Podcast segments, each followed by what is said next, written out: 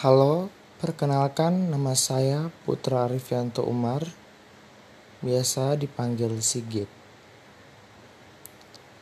Saya akan membawa cerita singkat tentang hantu Jalan Mawar.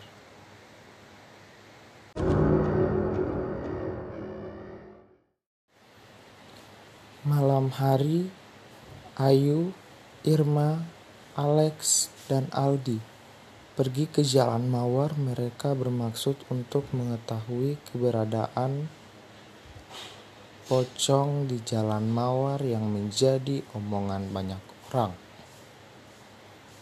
Setibanya di sana, mereka menelusuri tempat itu dengan peralatan senter dan akhirnya semuanya terjawab.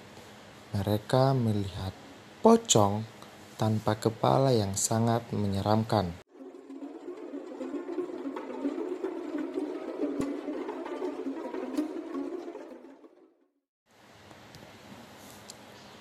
Di sisi lain, Irma yang sedang tidur, ia merasa seperti ada orang di sampingnya.